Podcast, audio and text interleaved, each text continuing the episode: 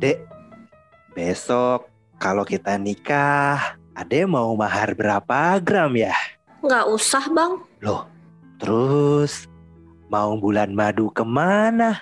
Nggak usah bulan madu juga, Bang.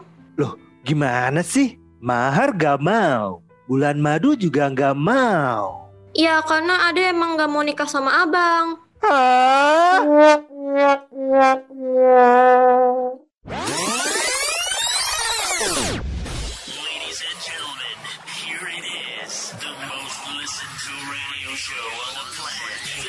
Stations are tuned in too.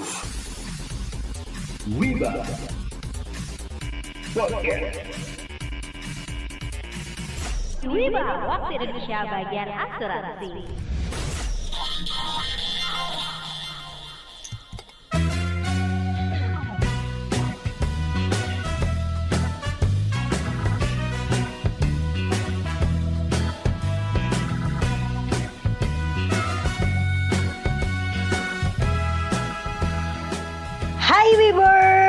kita kembali mengudara. Apa kabar Wibers? Semoga sehat selalu ya. Gak berasa ya Wibers, sudah satu tahun setengah kita tuh beradaptasi dengan pandemi COVID-19 ini. Mulai dari contoh kayak eh, jaga prokes, terus semua yang kita lakukan tuh via online, atau bahkan kita melakukan sesuatu yang belum pernah kita lakukan sebelumnya sampai menjadi sebuah habit. Nah, virus COVID-19 ini banyak sekali menyerang orang-orang terdekat kita, bahkan cycle pertama kita, ya cycle kedua kita, orang-orang yang kita kenal lah itu ternyata banyak yang mengalami atau eh, penyintas dari COVID-19 ini. Dan juga banyak juga ya berita-berita yang beredar mengenai gejalanya sampai bagaimana cara kita menangani virus tersebut. Hari ini Libers kita juga kehadiran uh, penyintas dari COVID-19 ini dan kita akan dengerin bersama-sama seperti apa ceritanya. Oke, kalau gitu langsung aja kita say hi dulu. Di sini ada Mas Miswan. Halo Mas Miswan. Halo Mbak Tias, apa kabar? Alhamdulillah sehat selalu. Gimana kabarnya Hai, Mas Mas. Miswan? Kabar saya Alhamdulillah sehat. Hai juga Mas Dika. Thank you. Oke, uh, Mas Miswan boleh cerita sedikit nggak? Ini kan uh, bulan lalu ya, Mas Miswan ini sebagai penyintas dari COVID-19 ini. Boleh cerita nggak Mas detailnya uh, sebelum kayak apa gejala-gejalanya sampai penanganannya seperti apa? Boleh diceritain nggak Mas Miswan? Ya, eh, terima kasih Tias atas pertanyaannya. Eh, jadi eh, teman-teman, saya termasuk salah satu penyintas dari COVID-19 ya.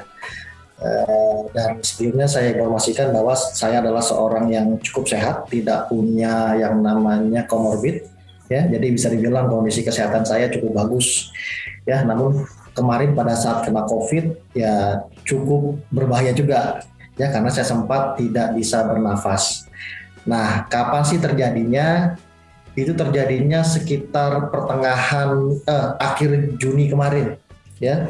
Akhir Juni kemarin, ya. Awalnya itu eh, saya merasa cuma nggak enak badan aja, ya, nggak enak badan, badan terasa pegelinu, batuk sedikit-sedikit, kemudian kadang-kadang hidung mampet, tidak demam juga ya cuma yang paling terasa itu adalah badan ini terasa nggak enak gitu pegelinu jadi pinginnya dipijat begitu teman-teman nah pada saat saya merasa tidak enak itu badan saya di minggu terakhir Juni saya putuskan untuk WFH jadi bekerja dari rumah ya tidak ngantor karena memang kebijakan dari perusahaan juga kalau misalkan ada karyawan yang mengalami sakit ya gejala ringan pun itu tetap harus WFH rekomendasi seperti itu Nah, pada saat saya WFH ya mulai hari Senin itu tanggal sebentar saya lihat tanggalnya dulu.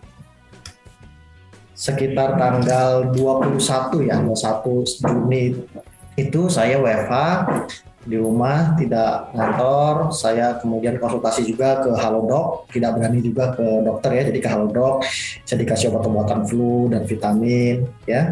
Sampai ha- hari Kamis tanggal 24 itu kok tidak ada eh, penurunan. Dalam arti tidak ada eh, perbaikan ya. Jadi naik turun begitu kondisinya. Ya kadang-kadang pegelinu kemudian enakan badannya tiba-tiba pegelinu lagi ya disertai dengan batuk juga nggak demam juga ya. Nah, di tanggal 24 itu tidak ada perbaikan. Nah, malahnya malamnya itu saya kehilangan penciuman. Ya, saya kehilangan penciuman. Saya tidak ada saya merasa kok nggak cium apa-apa ya. Saya coba cium minyak kayu putih, cium parfum, ya tidak ada baunya sama sekali. Bahkan saya kadang agak iseng ya, cium ketek itu juga tidak ada baunya juga ya. Nah, besoknya tanggal 25 saya putuskan untuk datang ke dokter ya karena memang obat dari Halodoc tidak ada membuat saya menjadi lebih baik. Ya dok, saya datang ke dokter spesialis THT. Ya, di sana saya ceritakan kondisi saya. Eh, kemudian sama beliau diminta untuk segera melakukan yang namanya PCR. Ya, tentunya karena waktu sudah malam, lab dari rumah sakit sudah tutup. Akhirnya saya baru bisa PCR di besoknya di hari Jumat. Ya, di hari Jumat saya PCR. Nah, ternyata hasil PCR nggak bisa langsung ya Bapak Ibu ya butuh waktu antara satu kali 24 atau bahkan terlama itu dua kali 24 jam. Nah, saya PCR. Nah, pas saya PCR di hari Jumat itu hari itu juga saya minta keluarga saya untuk eh, apa ya nginap di hotel ya, nggak serumah dengan saya jaga-jaga kan kalau misalkan eh, ternyata saya positif. Ya teman-teman seperti itu. Dan kebetulan juga sebenarnya di hari Jumat itu tiba-tiba ibu saya sakit juga.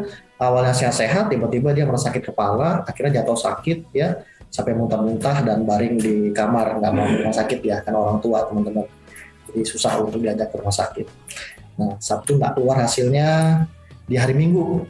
Saya dapat kabar melalui WA ya dari pihak rumah sakit bahwa saya positif COVID-19 saat itu juga langsung saya minta keluarga saya untuk semuanya melakukan tes uh, swab juga di rumah sakit ya. Dan hasilnya ternyata selain saya covid ternyata istri saya juga terdiagnosa positif covid. Kemudian anak saya yang paling bayi usia satu bulan lebih sekitar satu eh satu tahun lebih satu bulan juga terkena positif covid juga ya. Nah mungkin karena pada hari minggu itu saya uh, mikirin keluarga ya gimana hasilnya apakah positif negatif ditambah lagi di rumah karena tidak ada yang masak. Akhirnya saya hanya makan roti saja dari pagi sampai sore.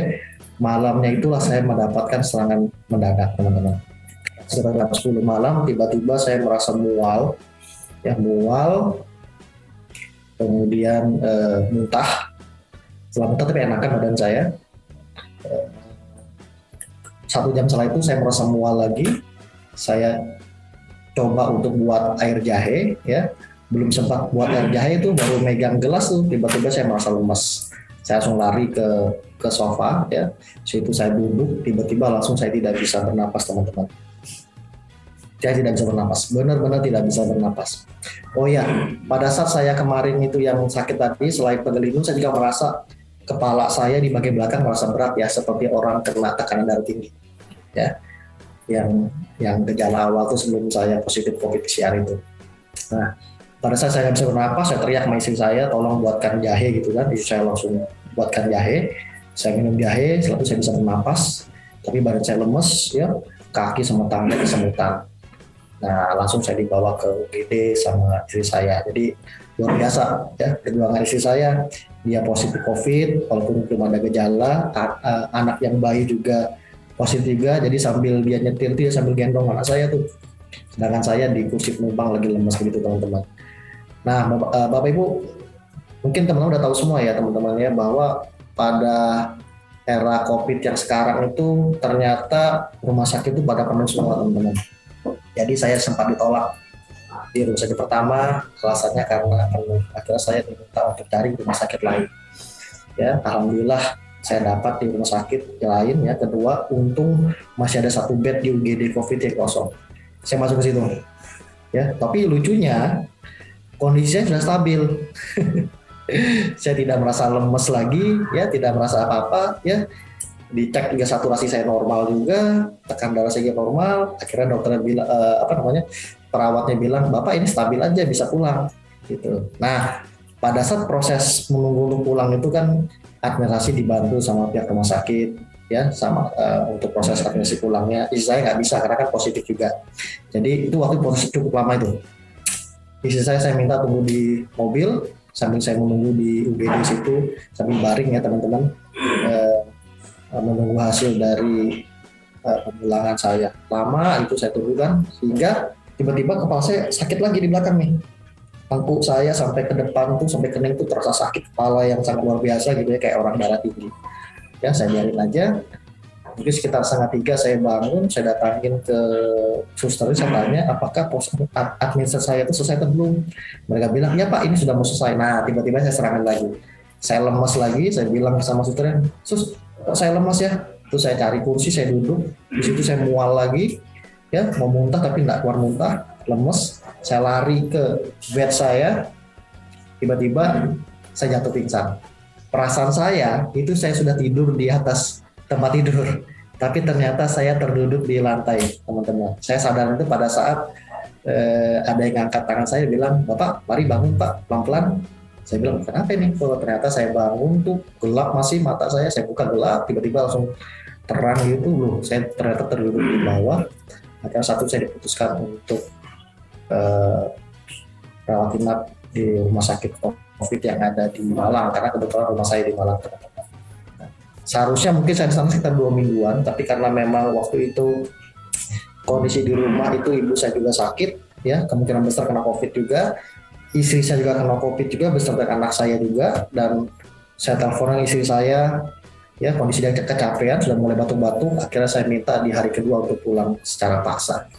Saya pulang, ya jadi gantian jaga anak juga, dan akhirnya ya istri saya semakin down akhirnya dia juga masuk rumah sakit bahkan lebih lama dari saya sekitar tiga minggu dia dirawat inap alhamdulillah anak saya sih aman-aman aja teman-teman mungkin itu bisa saya ceritakan mengenai pengalaman saya ya. Intinya adalah kalau saya diagnosa dokter adalah walaupun saya sehat tapi ternyata saya mengalami yang namanya pengentalan darah.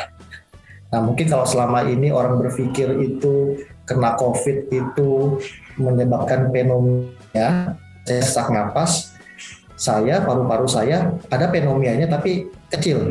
Yang berbahaya kemarin saya adalah pengentalan darah ya jadi darah saya mungkin karena sakit kental sekali akhirnya saya tidak bisa bernafas nah jadi yang perlu teman-teman atau pendengar perhatikan adalah even kita sehat pun ya kalau kondisi lagi tidak bagus ya daya tahan tubuh lagi turun juga makan juga kurang kemungkinan akan drop. Sama seperti saya bahkan bisa mengancam nyawa juga. Saya tidak pneumonia yang terjadi di saya adalah pengentalan darah. Nah, itu yang mem- yang membuat saya cukup berbahaya kemarin hampir hampir hampir apa istilahnya ya, hampir dipanggil Tuhan ya teman-teman ya mungkin itu bisa saya ceritakan Mbak Tias Wah luar biasa ya artinya kayak bener-bener kejadiannya itu beruntun ya Mas Niswan dari yang tadi bergejala juga yang sampai di rumah sakit ternyata juga istri akhirnya juga penyintas COVID-19 juga ya. Iya. Wah ternyata sebegitu ya sampai pingsan jadi kayak tadi dengarnya sampai wah begini banget gitu ya ternyata gejalanya gitu. Ya ampun Pak Miswan itu pasti kepikiran banget ya sama anak-anak kalau ayah sama ibunya sama-sama sakit. Itu jadinya gimana Pak anak-anak Bapak yang ngurusin? Ya mungkin itu juga yang membuat saya tidak bisa berlama-lama di rumah sakit ya. Jadi saya sempat dimarahin juga sama dokter di rumah sakitnya karena baru dua hari dirawat saya minta pulang karena saya mikir anak saya. Jadi memang saya punya tiga anak. Ya satu usia 10 tahun, alhamdulillah PCR-nya itu negatif. Kemudian anak saya kedua usia 6 tahun juga PCR-nya juga eh, negatif. Namun yang bayi ini, yang usia satu tahun ini yang positif. Nah itu yang menyebabkan saya ingin cepat pulang bantu istri saya. Ya alhamdulillah sih eh, kondisi dari anak saya yang bayi itu fine fine aja. Sempat demam sebentar, tapi setelah dikasih sunmol sama vitamin yang diberi oleh dokter, kondisi dia stabil stabil aja. Nah yang ngerinya itu pada saat eh, istri saya semakin drop, ya. Kan yang namanya baby ini kan dekatnya sama si ibu ya sedangkan dia nggak mau lepas dari ibunya. Jadi isinya semakin drop ya waktu itu. Akhirnya saya cerita kepada keluarga akhirnya mertua saya yang langsung bilang ya udah si baby ikut saya aja Saya bilang sama mertua saya, tapi positif loh, oma. Saya bilang oma ya. Tapi ini baby positif loh, oma. Gak apa-apa, kita akan coba proses. Insya Allah nggak apa-apa. Akhirnya si baby itu di hari Sabtu itu dijemput oleh oma dan alhamdulillah ya sampai dua minggu dan tiga minggu lebih dia ikut oma itu aman-aman aja begitu pula keluarga di Blitar juga aman malah istri saya yang ngedrop ya pada saat diambil hari Sabtu minggunya semakin drop Seninnya saya bawa ke rumah sakit seluruh rumah sakit yang ada di Malang itu penuh. Ya alhamdulillah ada satu rumah sakit yang kita sudah putus asa waktu itu ya. Akhirnya ternyata masih kosong. Saya datang tuh masih kosong rumah sakitnya. Ya bahkan saya diminta untuk dirawat inap juga di mana? Di rumah sakit tersebut. Namun menjelang sore waduh itu banyak banget tuh. Pasien-pasien covid yang tiba-tiba datang secara kayak air bah ke rumah sakit tersebut akhirnya yang awalnya saya diminta untuk isoman di rumah sakit akhirnya saya diminta untuk di rumah hanya istri saya saja yang dirawat karena memang kondisinya benar-benar drop banget matanya sudah tepung tangan kakinya sudah pucat sudah sesak nafas dia Tapi Oma malah aman ya ngurusin babynya Pak. Ya, karena kan saya pribadi kan sebenarnya perantau ya di sini ya. Jadi keluarga yang ada cuma keluarga dari istri. Ya, jadi kondisi kita sudah kayak malakama. Mau kita tetap rawat ini baby dengan di- dengan kita sedangkan saya istri sakit ya, bahkan istrinya sudah semakin ngedrop ya. Bahaya juga buat kami semua gitu loh. Nah, jadi mau nggak mau memang kemarin Oma ngambil tindakan ya udah sama saya aja. Ya alhamdulillah Tuhan masih melindungi. Padahal Oma saya itu punya diabetes. Eh, punya diabetes, dia punya asma. Ya, tapi alhamdulillah sampai sekarang dia sehat-sehat aja. Tuhan masih melindungi lah. Udah kayak apa ya, gambling aja waktu itu. Soalnya apa? Keluarga yang ada cuma keluarga dari istri, sedangkan saya keluarga di Kalimantan semua. Kalau tetap kita rawat ini baby dengan kita, kondisi saya sakit, istrinya juga sakit, ya. Udah malah bisa semuanya sakit. Akhirnya ya oma atau mertua saya memutuskan untuk si baby dia, dia apa dia dia rawat sementara kami lagi dalam proses kena covid. Tapi alhamdulillah sih tiga mingguan ikut di Blitar di tempat oma saya aman-aman aja tidak ada masalah. Alhamdulillah. Alhamdulillah. Berarti semuanya Mas udah sehat-sehat ya, Mas Miswan ya, Mas Miswan, istri, anak, semuanya keluarga sehat-sehat semuanya ya. Ya, tapi memang benar. Tapi memang saya didiagnosa eh, saya dan istri itu ada gejala long covid. Jadi even kita sudah eh, negatif PCR-nya, tapi kondisi badan kita belum pulih 100%. Saya masih merasa lemes juga, masih dada terasa sakit kalau kecapean. Kalau makan telat juga langsung badan juga langsung nggak enak juga mual. Jadi walaupun kita kemarin itu negatif, tapi kita didiagnosa eh, long covid akhirnya kita dikasih obat ya obat berupa kurkuma kemudian obat paru juga sama vitamin ya tetap makan obat kemudian diminta kontrol lagi sebulan setelah kita eh, negatif tadi Oh, berarti eh, setelah COVID juga eh, masih ada ini ya Mas ya berarti ya. Ada efek-efek setelah kita betul ini ya sel- selesai gitu ya dari masa Betul. pengobatan. betul Eh, Mas Misun, aku jadi pengen nanya nih, eh, mungkin juga jadi informasi buat teman-teman yang dengerin di rumah gitu kan. Eh, tadi ceritain sama Mas Miswan ya t- tentang Mas Miswan eh, terkena gitu ya positif COVID, kemudian juga istri kena gitu ya, kemudian anak. Nah, ketika pertama kali gitu ya ngerasain yang badan gak enak, pegel-pegel gitu. Kemudian kan Mas Miswan gak ada yang batuk gitu-gitu kan ya. ada batuknya Kayak- tapi nggak sering Oh batuk ada, cuma- tapi nggak yang sering gitu kan. Kayak Betul biasa sekali. aja gitu kan. Iya. Nah jadi di momen mana sih Mas Miswan tuh ngerasa kayak, aduh kayaknya aku emang harus PCR deh sama keluarga. Kayaknya aku eh, harus ke rumah sakit deh. Nah itu momennya tuh di mana Mas Miswan? Karena eh, terkadang kan gejala dari COVID ini gitu ya, mild banget gitu. Kayak kita sehari-hari aja gitu kan. Kayak cuma pilek atau bahkan tanpa gejala sama sekali. Itu penting banget sih kan eh, kapan nih pertama kali kita ke rumah sakit untuk cek diri. Kalau dari Mas Miswan pengalamannya gimana? saya memutuskan untuk segera melakukan tes lab itu pada saat saya kehilangan penciuman. Ya, jadi di hari keberapa itu hari keempat atau kelima itu saya kehilangan penciuman. Di situlah saya putuskan untuk melakukan PCR. Dan benar tadi kata Mas Kifli, ya even kita tidak merasa sakit, tapi kalau kita misalkan ada kontak-kontak gitu ya dengan orang yang terkena COVID, saran saya segera untuk melakukan PCR juga. Seperti itu. Oke, beberapa hari berarti Mas ya kehilangan penciuman itu ya jadi gongnya ya berarti Mas Miswan ya. Betul, betul. Itu berarti eh, di hari yang bersamaan istri juga cek PCR juga berarti Mas Miswan. Ya, jadi istri PCR itu setelah menerima hasil positif dari saya, Oh, kemudian saya minta untuk tes lab juga. Nah, pada saat menunggu hasilnya itu positif atau negatif, keluarga semuanya saya ungsikan untuk inap di hotel, jaga-jaga kalau ternyata saya positif dan ternyata benar. Eh, kalau PCR tadi Mas, itu tuh dibayar bayar sendiri atau memang sudah dari pemerintah ya? Oke, alhamdulillah kebetulan kan saya punya asuransi ya. Selain BPJS saya juga punya asuransi dua asuransi swasta. Kebetulan semua biaya yang dilakukan itu di cover semua oleh eh, pihak asuransi. Kalau saya waktu dirawat inap PCR itu kan pakai asuransi eh, swasta dari corporate eh, kantor saya. Nah itu di cover. Ada excess sih, ada excess. Cuma karena saya punya dua kartu asuransi, excessnya akhirnya saya klaimkan ke asuransi saya, asuransi saya yang kedua. Kalau istri saya waktu itu pakai BPJS karena memang kebetulan rumah sakit pada saat dia dirawat itu tidak kerjasama dengan asuransi corporate kita. Ya alhamdulillah semuanya di cover ya. Tapi memang ada beberapa juga yang harus dirembes, tidak bisa eh, tidak bisa apa namanya tidak bisa eh, di cover dari awal, yaitu pada saat saya PCR setelah isoman. Nah setelah isoman kan kita diminta setelah itu PCR. Nah itu tidak tidak bisa diklaimkan, jadi saya rembeskan waktu itu. Jadi mujur banget nih, untung banget kalau misalkan ada teman-teman atau nasabah atau bapak ibu yang punya eh, manfaat eh, apa namanya pengcoveran isoman. asuransi ya. Yes, asuransi Soman itu akan sangat membantu sekali. Jadi nggak keluar uang. Nah, maksudnya akan tercover dia gitu loh semuanya. Benar-benar banget sih itu Mas.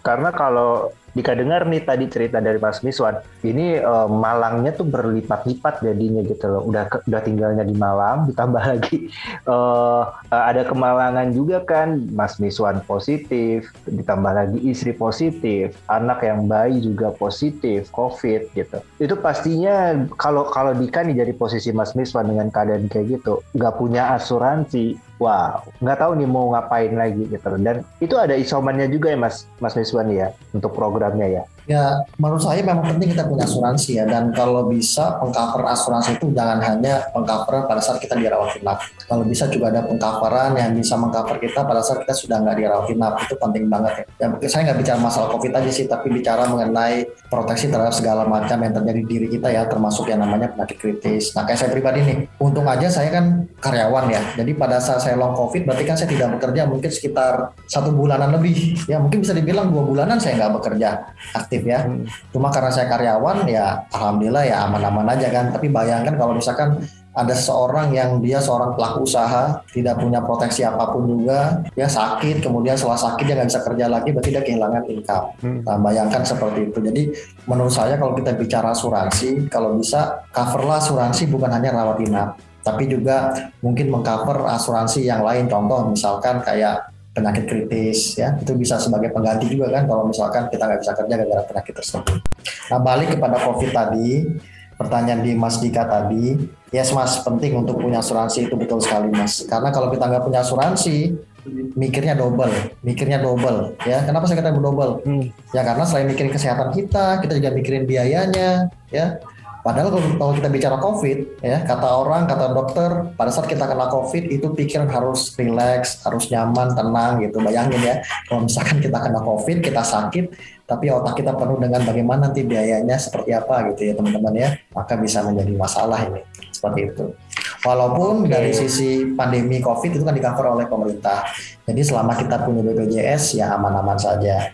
Cuma bagaimana kalau misalkan ini bukan COVID tapi penyakit yang lain kan yang jadi masalah buat kita. Sedangkan COVID aja itu masih susah gitu untuk dihandle oleh pemerintah dan kalau kita nggak punya antisipasi, nggak punya apa namanya, nggak punya cadangan selain BPJS tadi, pastinya kalau kayak karyawan nih, ini pastinya juga harus, aduh, mana gajian belum lagi, ditambah lagi nggak punya dana darurat gitu. Otomatis bingung mau cari uang ke mana untuk bayarin. Apalagi katanya obat-obatnya juga semakin mahal ya pada saat itu kemarin. Sampai ada yang 35 jutaan gitu harganya. Dari mana coba datang duitnya? Nah kalau sumpamanya bukan karyawan nih anggap deh seorang bisnismen atau seorang pengusaha. Kalau nggak punya asuransi kesehatan nggak punya juga BPJS artinya uang yang dipunya itu yang akan membayarkan oh, pada saat kita kena covid atau kena sakit tadi. Sampai kapan sih uang kita ada gitu loh? Anggaplah uh, sakitnya itu kayak sakit kanker dan segala uh, jantung yang butuh biaya sampai ratusan juta. Juta otomatis aset-aset yang kita punya pasti akan akan habis jadinya. Benar ya Mas Miswan ya? Betul betul betul sekali. Ya benar uh, Mas Dika ya. Uh, statement Mas Dika tadi. Dan kalau saya boleh kasih saran tambahan ya bagi teman-teman pendengar Wiba nih. Kalau bisa pada saat memutuskan untuk mencari suatu proteksi kesehatan yang pertama itu carilah suatu proteksi kesehatan yang punya manfaat isomannya kenapa karena melihat kondisi saat ini banyak sekali ternyata rumah sakit yang tidak bisa menampung ya karena banyak banget yang kena COVID sehingga kita diminta untuk melakukan isoman sendiri. Bayangkan kalau misalkan kita punya asuransi tapi tidak ada manfaat isomannya, tentu akan membebani beban keuangan kita.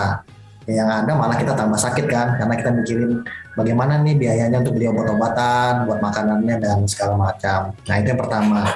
Yang kedua ya eh, biasanya berdasarkan pengalaman saya pribadi pada saat kita sembuh dari COVID itu kita nggak bisa langsung beraktivitas seperti biasa ya seperti itu. Jadi saran saya memang eh, saya nggak bicara hanya COVID ya, tapi bicara eh, penyakit pada umumnya. Kalau misalkan kita penyakit kena penyakit suatu yang sifatnya kronis, biasanya kita nggak bisa beraktivitas. Nah jadi selain eh, memiliki asuransi kesehatan yang sifatnya kayak rawat inap, saran saya cari juga suatu asuransi yang bisa memproteksi, yang memberikan santunan sehingga bisa dipergunakan untuk kehidupan sehari-hari. Ya. Intinya adalah teman-teman tolong jaga yang namanya prokes ya. Dan juga selalu kalau bisa vaksin dan pengecekan secara teratur ya. Apakah itu antigen atau sejenisnya. Ya karena saya pribadi sendiri itu bisa dibilang adalah salah satu orang yang selalu menjaga prokes. Ya namun ternyata bisa kena juga tuh ya seperti itu. Dan menurut saya yang namanya covid ini seperti waiting list saja. Ya kapan saja dari kita bisa kena nih. Hanya nunggu waktunya aja. Ya jadi jaga diri kita keluarga kita siapkan asuransinya ya. Ya harus ada. Biar nanti pada saat kita kena kita tidak ada beban tambahan yaitu mikirin biaya kesehatannya mungkin seperti itu Mas Dika tambahan dari saya ya. Oke. Terima kasih Mas Miswan. Sama-sama Wah ternyata tadi sharing dari Mas Miswan ini berguna banget ya Wibers buat kita. Uh, walaupun tadi sudah Mas Miswan itu menjaga yang namanya prokes, tapi jangan lupa kita harus makan makanan yang bergizi, makanan yang sehat, imun kita pun juga harus yang bagus ya. Kemudian uh, secara psikis kita pun juga harus bagus, biar nanti nggak mempengaruhi ke kesehatan kita tentunya. Dan yang paling penting adalah kita harus punya jaga-jaga yang namanya asuransi Jangan sampai nanti ketika amit-amit ya misalkan terkena COVID uh, kemudian ternyata uh, biaya rumah sakitnya itu gede banget ya kita misalkan harus menguras tabungan segala macam ya untuk lebih baik maka kita harus punya asuransi yang tentunya ya uh, nanti kita harus tahu juga manfaat dan keunggulannya harus kita sesuaikan dengan kebutuhan kita. Oke deh, thank you Mas Miswan atas sharing-sharingnya untuk Webers ini bermanfaat banget ya, informatif sekali ya, bahkan detail banget apa yang tadi disampaikan. Thank you Mas Miswan. Sama-sama Mbak Tias. Ya, thank you Mas thank Dika. Thank you Mas Kifli, Rea juga. Sukses buat Wiba. Sip. Thank you. Iya, makasih Pak Thank you.